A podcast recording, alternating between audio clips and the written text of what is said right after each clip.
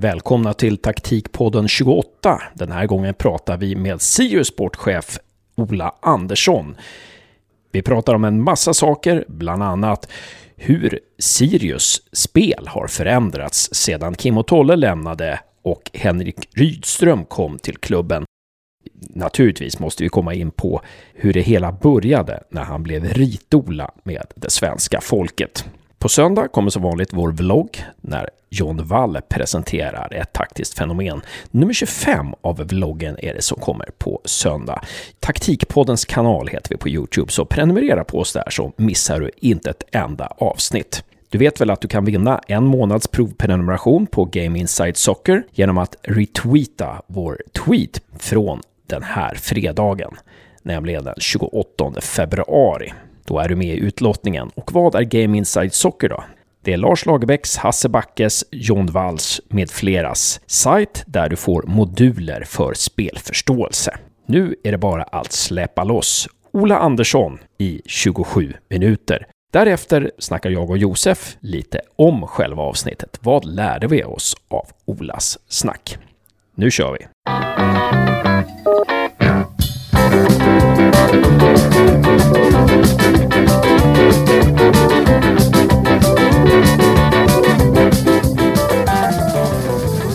Välkommen till Taktikpodden, Ola Andersson. Tack snälla. En otrolig ära att få prata med dig. Du var ju liksom en av de första i tv som, som egentligen förklarar taktik. Alltså, du blev ju, Mats Nyström sa, kallade det för ritola i något avsnitt. Mm. Och var det runt 2002 där du började med det, eller? Ja, i, i SVT var det 2002 ja. i samband mm. med fotbolls-VM som, som var då. Eh, och anledningen var att Thomas Wernersson som var så att säga bisittare till Mats Nyström vart eh, hastigt eh, och allvarligt sjuk. Eh, och jag fick en, tror jag, en, en och en halv veckas eh, varsel på frågan mm. om att eh, ställa upp. Mm. Eh, började väl med själva så att säga, analyserandet och ritandet hade jag börjat 2001 i Kanal Plus, Simor som det hette då. Eller som det heter nu, Kanal Plus då tillsammans med Arne Hegerfors. Så hade jag hållit på ett tag.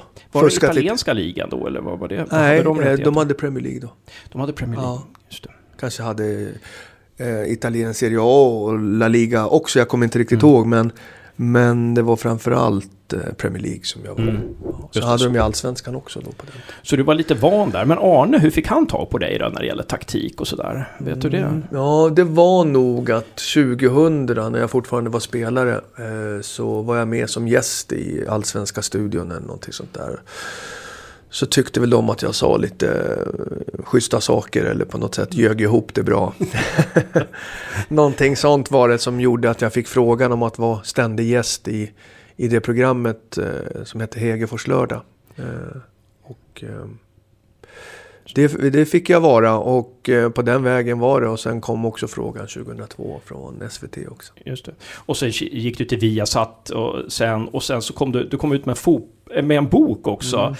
Så funkar fotbollen ja, och sånt där. Jag beställde den faktiskt från antikvariat. Jag tänkte om jag hinner... Fick du tag på den? Jag fick tag på den. Aha. Men jag hann inte få den så jag tänkte att om jag hade haft med den här så hade du fått signera den. Ja. Men får... Nej men det var precis Så funkar fotboll hette den va? Mm. Eller 200 sidor någonting va? Och... Ja det var en diger, ja. diger eh, liten bok sådär. Mm. Men det var ju ingen tränarlitteratur utan det var ju liksom fotboll för dummies ungefär så. Mm. Och framförallt att få eh, kanske de Eh, där hemma och förstå lite mer av eh, det kodade språket vid fotbollssändningar och sånt. Och förstå varför matcher slutar på eh, ett eller annat sätt och lite spelet bakom. Sådär. Så det var väl en fotboll för dummies. Den sålde jättebra. Mm. jättenöjd. Fram till att Zlatan släppte sin bok som var, okay. som var den största i Sverige på just i alltså. den här genren. Ja. ja. Det är ju fantastiskt alltså. Ja, och, och som blir slagen av Zlatan. Det, ja. det är okej. Okay. Ja, just Han hade ju en spökskrivare där. Så. det hade jag med. ja, okay, nej, men jag kommer ihåg att jag tittade i den då. Så att, och sen, nästa gång jag skulle, när jag skulle gå in och köpa den, då var det slut. Mm. Men, men det var lite så här, det här är korridor, yttre korridor, lite sånt där va? Ja. Det här är lite så. Ja, det, var ju, man, det var ju ungefär, jag försökte ju efterlikna det vi höll på med i, det jag höll på med i studion. Att på, med lite bilder och lite pilar och lite allt och lite mm.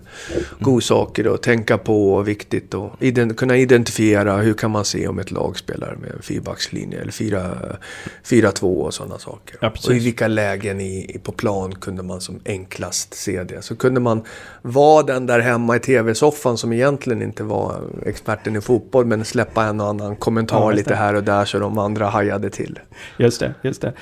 Um, och, och, sen så, ja, men sen så har du har ju varit fotbollsexpert, du har jobbat med fotboll sen du slutade med fotboll. Ehm, och, och vad har du lärt dig? Kan man peka på några saker? Alltså, det måste ju bli en del kunskap när man sitter och diskuterar med Lagerbäcke via Satsstudion och lite sådana här saker. Att, kan man peka på några grejer då, liksom, som har trillat ner liksom, sen du slutade spela? Vad som är ja, viktigt, det är nog ganska eller? många saker, men det som, det som man mest känner är väl att liksom, det finns alltid någon som kan mer fotboll.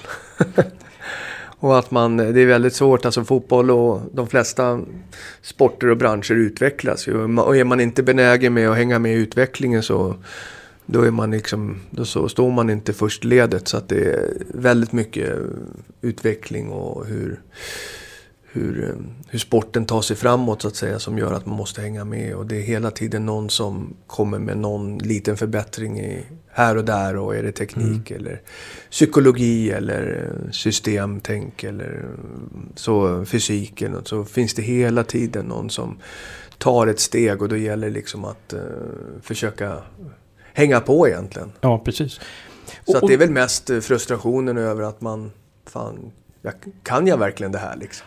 När ska någon syna bluffen? Ungefär ja. så. Ja. Är inte det livet också, att man blir aldrig färdig liksom? Så är det nog. Eh, och vore man färdig, ja då, vad ska man göra då liksom? Då, mm. Nej, men det, det, det är en fantastisk möjlighet, så du var inne på det här att eh, trots att jag, man kan ju inte vara spelare hela livet, ja, då kan man vara tränare. Eller man kan, och jag har haft förmånen att liksom vara i olika miljöer, fast med fotboll som bransch hela tiden. Och, hängt mig kvar här och min skicklighet är väl liksom någonstans att jag har just hängt mig kvar även om det inte alltid har varit, jag stått ute på plan så. Mm. Sen kan man väl tycka ibland att eh, det man inte har gjort undrar man ju alltid över om det inte, alltså det, gräset är grönare på andra sidan. Så när jag satt i TV och, och tyckte det var lite roligt. Samtidigt så undrar man ju, var det inte tränare jag skulle ha blivit egentligen? Mm. Är du nöjd med din roll nu som sportchef i Sirius? Ja, det här trivs jag jättebra med. Mm. Det här är lite grann mitt element så.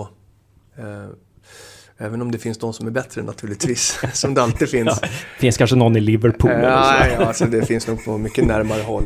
Eh, men, eh, men jag känner ju att det är ett element som om man tittar på, jämför med och vara expert i tv så sitter man ju ganska mycket, när man sitter i tv eh, och så, då sitter man ju utanför den verksamheten man pratar om och man har egentligen inte tillräckligt med insyn. Eh, sen kan man ju säga vad man ser och man kanske inte behöver insyn. Men jag gillar att på något sätt verka från insidan. Mm. Det är det som tillfredsställelse med ett sånt här jobb. Även om det är väldigt mycket att göra så så får man vara med och påverka och vara med och delaktig och jobba mot eh, kortsiktiga och långsiktiga mål. Man jobbar mot helgens match och man jobbar på, mot sommarens transferfönster och sen jobbar man mot slutresultatet på säsongen och sen samtidigt har man en, en massa personal att ta hand om. Liksom. Ja, just det. Vi sitter här nu i Lötens lokaler och ni väntar på att flytta in i era eh, stora nya lokaler så småningom. Eh, och, och, jag hade haft en fråga här med, ja, hur mycket, pass mycket har du kontakt med, med Henrik Rydström och eh, eh, tränarteamet då? Eh, Theodor Olsson och så. Eh, och den, den, frågan fick jag svar på på en gång för att eh, ni, innan jag kom här så satt ni inne och snackade ganska intensivt och sådär. Och, och, och, så, ni, ni, har ganska mycket kontakt, du har ganska tät kontakt med tränarteamet då eller? Ja, vi, vi har den eh, så att säga organisationen här i Sirius att jag har valt det så att eh, jag som är sportsligt ansvarig över verksamheten vill vara i verksamheten. Jag vill inte bara liksom hysta in och ut spelare och ge dem till sporten och här har ni att jobba med. Utan jag jobbar med mitt team som är i första hand då tränarna och ledarna och sen jobbar tränarna och ledarna med sitt team som är spelarna. Och jag sitter med i dagliga verksamheten. Jag är ute på plan på träningarna. Det är inte så att jag driver några träningar men ska jag veta liksom hur vi ska ta nästa steg i Sirius så vill jag vara så pass nära verksamheten att jag har på fötter för att kunna ta de besluten och inte bara lita med på, för de, på de andra. Men sen äh, är det ju så här att vi, äh, vi har ju en relativt ny organisation sedan förra året. Och för att den ska sätta sig med en sportchef och huvudtränare som vi nu har. Förut hade vi ju de, de, de rollerna i samma person. Så känner jag att min närvaro, eh, jag vill ha närvaron här. Och eh, för att sen då kunna kanske lite grann kliva ifrån och få ett mer fågelperspektiv på det. Men det kommer. Mm. Du tar ju in spelare då eh, till, eh, i, i samråd kanske med, med tränarteamet och tar, tar in spelare och du, du, bestämmer vilka som inte ska få nya kontrakt och så vidare. Men så kommer det nya tränare in och, och sådär. Mirza Jelesak har gått ut. Men den här, det finns ändå en grund i Sirius, va? det här med the Sirius way. Eh, är den, eh, är den eh, ja, som kanske togs fram under Kim och Tolle? Jag vet inte om det var så. Nej, men jag tror att alla klubbar har en väg fram tills det kommer ny personal. Så har man kanske samma väg eller ja. går på inslagen väg eller så justerar man lite grann eller så kommer det några som gör om helt och hållet. Ja. Bevisligen så har ju Kim och Tolle under sju års tid, där jag också var med under den tiden och bland annat anställde dem eh, då i den rollen som jag var klubbchef har ju de gjort väldigt, väldigt mycket bra. Alltså, vi hade inte varit där vi är idag om inte de hade varit i klubben och, och drivit det på det sättet. Men sen är det ju frågan ändå, när de försvinner, ska vi, ska vi göra en kopia och fortsätta i samma spår? Oftast brukar ju det hålla ett tag. Men sen blir det oftast inte bättre att rent av kopiera utan de klassiska uttrycken. Att ta det man tycker är liksom det bästa och sen putsa med, med det som man har tillfört. I, den här form, I den här formen var det förra året Mirsa och Henrik tillsammans och nu är det så att säga Henrik som ensam huvudtränare. Mm. Hur gick det snacket? Så, så jag, tror, jag, tror inte, jag tror inte det är liksom The Sirius Way, ja Sirius väg, men jag tror inte det är på något sätt unikt för Sirius. Utan alla har sina vägar liksom. Ja. Vilka, beroende på vilka vilka människor man har i organisationen. När Kim och Tolle gick då eh, och eh, Mirsa och eh, Henrik tog över, vilka justeringar gjorde ni då? Kan du, kan du delge någon sån där som är Ja, alltså uh, vi... Uh, jag kände ju först och främst att uh, försöka ha kvar kontinuiteten så mycket det gick i, i form av det, det Tolle och Kim hade byggt upp genom åren. Och den kontinuiteten, det var ju Mirsa eftersom han har ju varit med i sex av de sju åren. Så det valet var ganska självklart att vi på något sätt skulle fortsätta med Mirsa. Men ändå eh, ta in ett komplement till Mirsa som liksom hade en annan liten grann inriktning. Eh, och då eh, kände jag Henrik sen tidigare och tyckte att han var en spännande personlighet och sådär. Så att de två tillsammans skulle bli lite grann av, av det vi har stått för under sju års tid. Och sen, men samtidigt få in Henrik med lite mer rakhet, lite mer snabbhet och lite så. Mm, lite mer direkt liksom då? Ja, eller? lite mer utnyttja farten. För vi var ju väldigt, väldigt, väldigt duktiga på att hålla bollen mm. inom laget i, i Sirius. Och, eh, och då gäller det, det kan man ju det kan man göra, men man måste ju samtidigt ha spelare som är snabba också. Så att, eh, ja. Nu lyckades vi uppnå målet som vi hade förra året, 2019, med att hålla oss kvar i Allsvenskan. Och det, det tycker jag vi gjorde en jättebedrift, allt från eh, spelare, ledare till eh, och tränare naturligtvis. Så att mm. vi är nöjda med 2019. Just det mer fart säger du och då när ni tittar på nya spelare då så då är det mycket fart som, ni, som gäller eller? Mm, jag kan ju säga så här att vi, vi Sirius är ju där vi är. Vi har kommit jättelångt på vägen. Vi har en bit kvar till att komma upp och fightas liksom riktigt ordentligt med topp 5-klubbarna kontinuerligt. Eh, eh, och vi kommer inte kunna köpa in de dyraste spelarna eh, i Sverige så utan vi, eh, vi, vi eh, får jobba med spelare som vi tror är utvecklingsbara. Och eh, tittar man eh, lite grann i stort så, så, så är en stor bit av fotbollen är ju liksom att kunna springa eh, fort. Mm. Mm. Eh, vi förutsätter eh, något sånär att alla kan hantera en boll naturligtvis. Men Eh, just nu kan de flesta hantera en boll så att nu eh, så prioriterar vi hög hastighet och hög belastning. Mm. Och det gör att ska man ha en sån prioritering så är det ju så att de spelarna är oftast inte 35 och uppåt utan de är lite yngre. Mm. Men det innebär att har man inte en stor plånbok så får man väl kanske titta på spelare som inte är sådär jätte välkända eller har en jättestor meritlista. Och då blir det ju alltid lite så här, chansningar. Ja, en viss del alltså. Men vi, vi kör lite mer oprövat då i sådana fall. Och det är den riktningsförändringen. För vi vill, vi vill kunna träna mycket. Ska man utveckla människor och, och spelare, fotbollsspelare, då måste man ju träna liksom. Mm. Och för att kunna träna mycket så måste man ha kroppar som håller. Så mm. att, eh, ja, då, då blir det den prioriteringen och det är det vi har vridit mot eh, nu och framförallt eh, inför 2020. Så det är en ganska stor förändring vi har gjort. Eh, dels från Kim och Tolle till förra året och till i år. Då. Mm, sen, intressant. Sen får vi se om den håller eller inte. Ja. Det är lätt att säga och alla säger ja det är självklart, det är jättebra. Ja, det är jättebra om man tar tillräckligt med poäng. Ja, ja. Och, hur pass uthållig ska man vara då? Eh, om inte po poängen trillar in liksom. Eh, men, men ni har ju tagit in några spännande nyförvärv. Gevert heter han det från Karlslund. Simon Gevert ja. Ja, Gevert. Ja. Eh, och eh, Netambai ja. från... Nahom Jirmai Netabay. Ja, okej. Okay. Ja. Och eh, hur, när ni scoutar dem, nu har ju de spelat på Division 1 har ju eh, Simon gjort. Mm. spelat. Mm. Och, och, hur vet du att han klarar det här steget, två divisioner sen? Det vet man ju aldrig. Um, och den respekten har vi ju liksom för divisionerna. Även om man ser spelare i lägre divisioner och ser fasiken vad bra de är. Oj vad snabba de är. Och så, här. så det är två hack upp är en, det är en stor skillnad. Uh, och det har vi respekt för. Titta på när vi värvade John Junior Igbaroma som vi fortfarande tror kan bli bra fotbollsspelare. Och uh, vi tog ju honom från Karlstad United i division 1 då inför förra året. Ja, just det. Eh, han var ju, vann ju skytteligan tror jag och poäng och så. Och sen gick det ju inte som vi hade hoppats riktigt förra året. Han var, han var, var inte alls på något sätt dålig eller någonting. Men vi, vi, det, är en stor, det är en stor omställning. Nu tror jag att när han landar in i Superettan och, och Dalkurd så tror jag han kommer lyckas bra för att ta nästa klivet upp. Mm.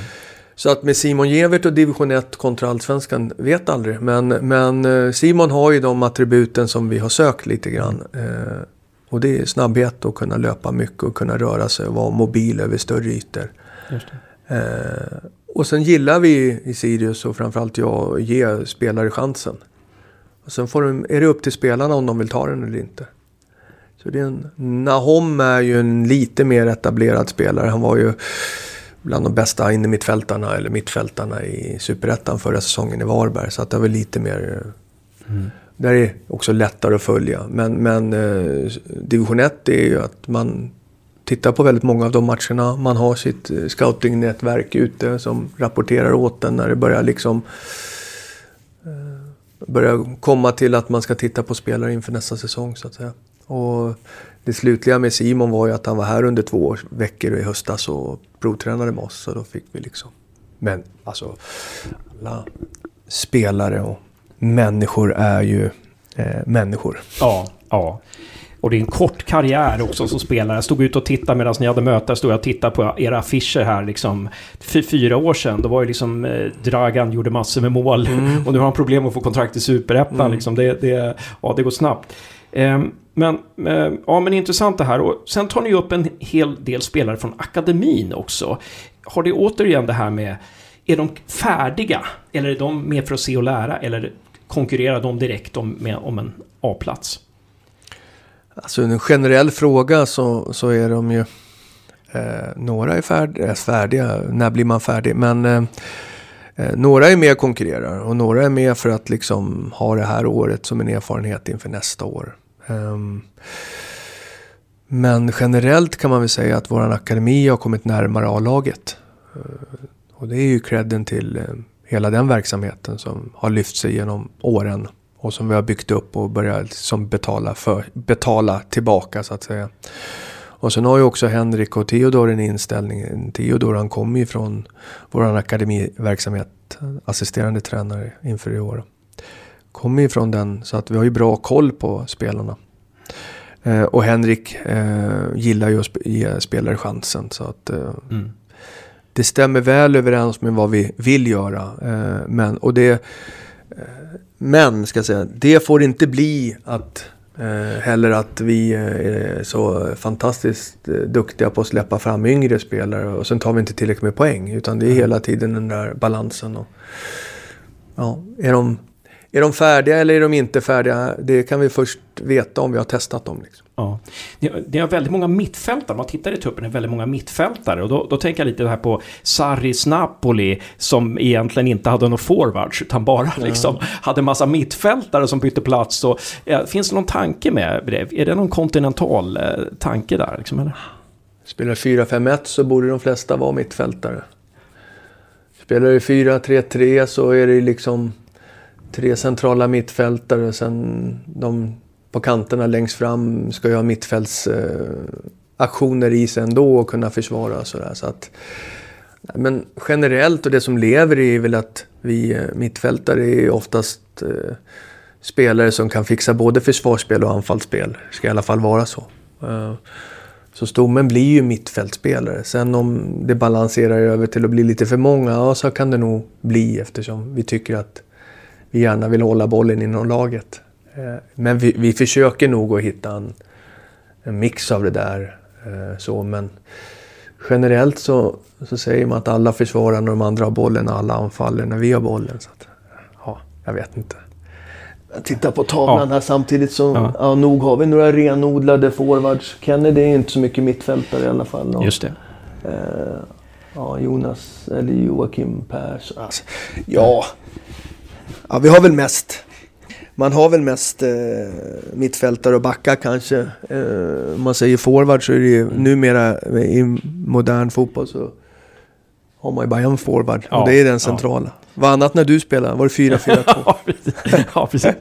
Spelade. Ja, Eller jag. ja, eh, men, men det är intressant med Kennedy, eh, Kennedy då, som, som kommer in och eh, är också en snabb spelare som, ja, som lever på sin snabbhet sådär. Och, och Ja, det, du, du, du skakar lite på huvudet här. Nej, alltså ja, han är ju en... Han var snabb i AIK i alla fall. Ja, Djurgården och även Örebro. Ja. Jo, han är, han är en snabb spelare. Eh, mm. Absolut. Eh, sen har vi snabbare. Men, eh, men, och det beror ju på att Kennedy är ju inte 21, 21 längre liksom, utan han får välja sina löpningar så. Mm. Sen är han väldigt duktig när han kommer in i motståndarnas straffområde. Med en, en, rutin på att vara där utan att ramla omkull eller, eller darra. mm. Utan han är, han är duktig på att avsluta. Uh, men, men, uh, ja, men Kennedy är en profil, alltså har en, ett sätt att spela fotboll som tilltalar oss. Mm. Sen, är, sen har han varit borta över ett halvår från, från matchandet så det tar en stund innan han är tillgång i riktigt matchlag. Just det. Och, och, nu är säsongen, alltså fönstret stänger ju inte riktigt än.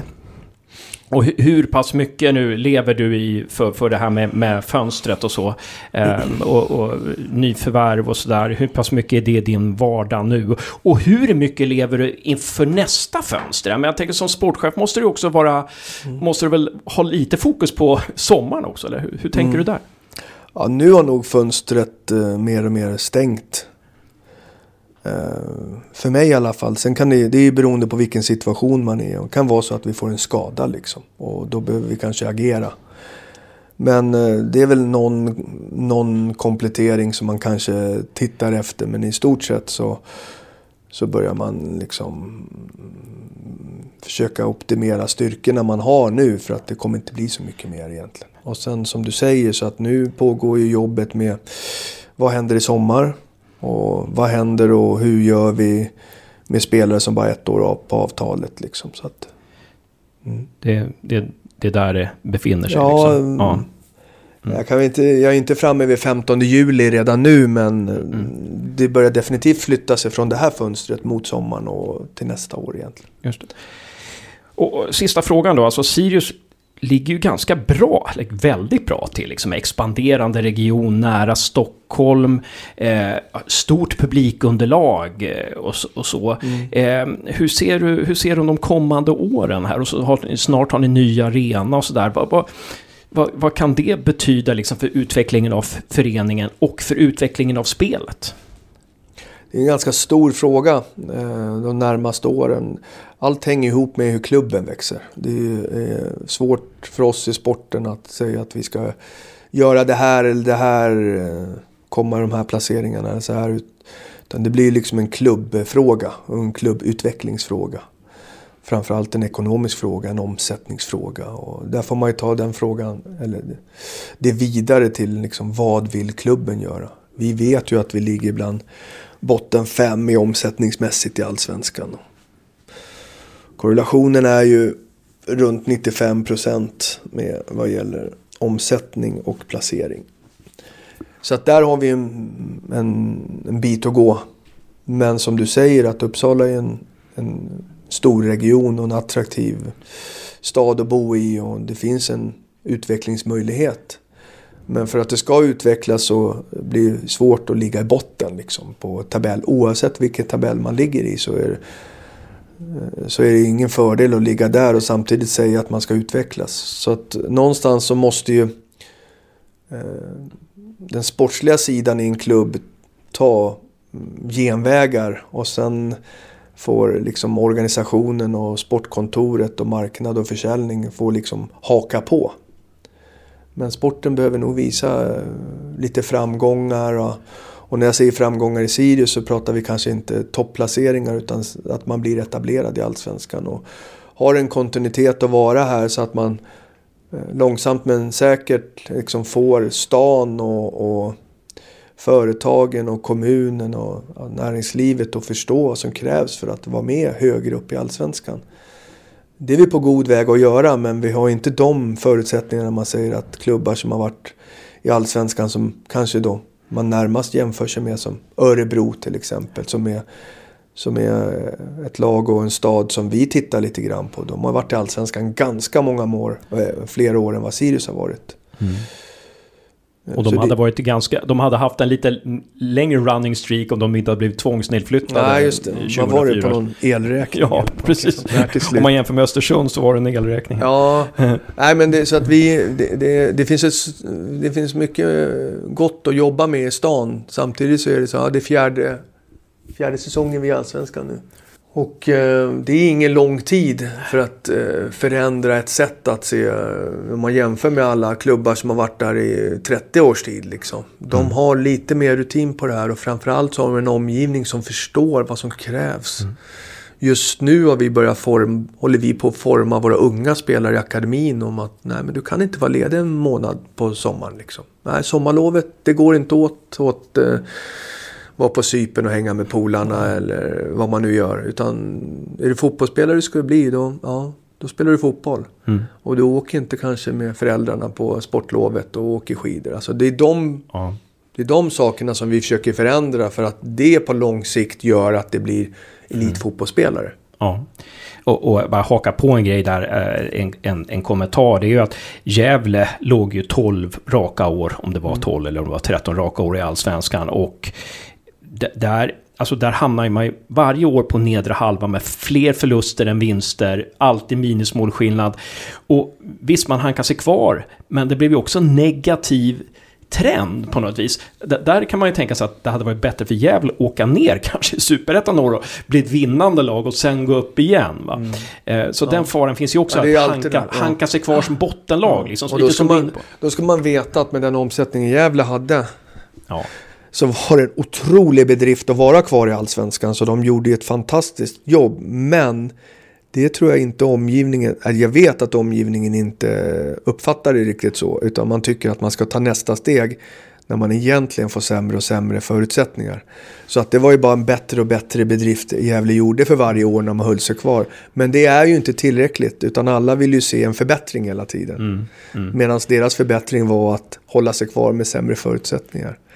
Förutom att man fick en ny arena då. Stort tack Ola Andersson för att du gästade Taktikpodden. Ja, tack själv.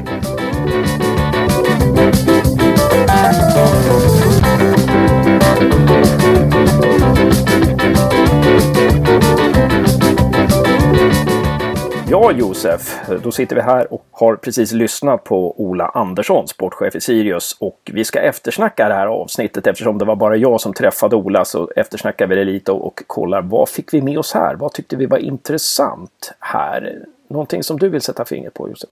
Jag fastnar framförallt för två saker. När Ola pratar om att man alltid jobbar mot ett aktuellt mål. Det jag tänkte på var hur man kombinerar arbetet av att arbeta mot det nästa aktuella målet och eh, parallellt med eh, framtida målen. Till exempel att ja, men nu är transferfönstret på väg mot sitt slut. Hur arbetar man under nuvarande transferfönster till nästa transferfönster eller till nästa säsong? Eh, det hade jag gärna velat veta, veta mer av är bra. Jag önskar att du hade varit med. Då hade du säkert kommit på den eh, följdfrågan där, smarta följdfrågan där som inte jag gjorde där. Men helt klart, det, det är en intressant eh, eh vinkel och när vi pratade med Tony Mikiewicz som är fotbollsscout så sa han ju att någonting om att eh, en, en sportchef bör ha fokus, vad var det, 75% fokus på, på kommande transferfönster, 20% fokus på nästkommande och 5% på det tredje kommande transferfönstret. Om jag inte minns fel här så, så var det någonting i den stilen han sa. Och det, det är ju väldigt intressant för man har ju alltid haft känslan sån här att sportchefer ja, de jobbar mot nästkommande men man måste ju ha ett längre perspektiv än så. Liksom. Det, det som jag tyckte var intressant det var det här med eh, att Henrik Rydström hade kommit in och jag pratade, frågade lite om The Serious Way som skapades under Kim och Tolle. Och, och där var det ju helt klart att, att man ville förändra Sirius sätt att spela. Och eh, Kim och Tolle hade gjort jättemycket för föreningen men att det, det ja, och man jobbade väldigt mycket med bollinnehav. Och det är ju bra, ungefär under texten, det är bra att ha bollen, äga bollen men det kan vara bra också att komma med fart. För att äga bollen kan ju inte vara något eh, självändamål utan det måste hända någonting. Och det, det tyckte jag var intressant att Sirius nu jobbar mycket mer med fart eh, än tidigare. Då. Jag var också inne på det. Men jag tänkte lite på det, det han sa att eh, de hade varit framgångsrika under Kim och Tolle och att de hade byggt upp väldigt mycket. Och att det är svårt att göra en kopia. Eh, utan man ska ta det bästa från eh, diverse tränare och omvandla det med ens egna idéer. Jag tänker ju att Sirius spelar ju inte 4-2-3-1 längre som gjorde slaviskt under Kim och Tolle utan de spelar ju 4-5-1. Och visst, det är ju en lek med siffror men känslan är ju att Sirius kommer bli mer omställningsskickliga än vad de var under Kim och Tolle där de inte hade farten på samma sätt.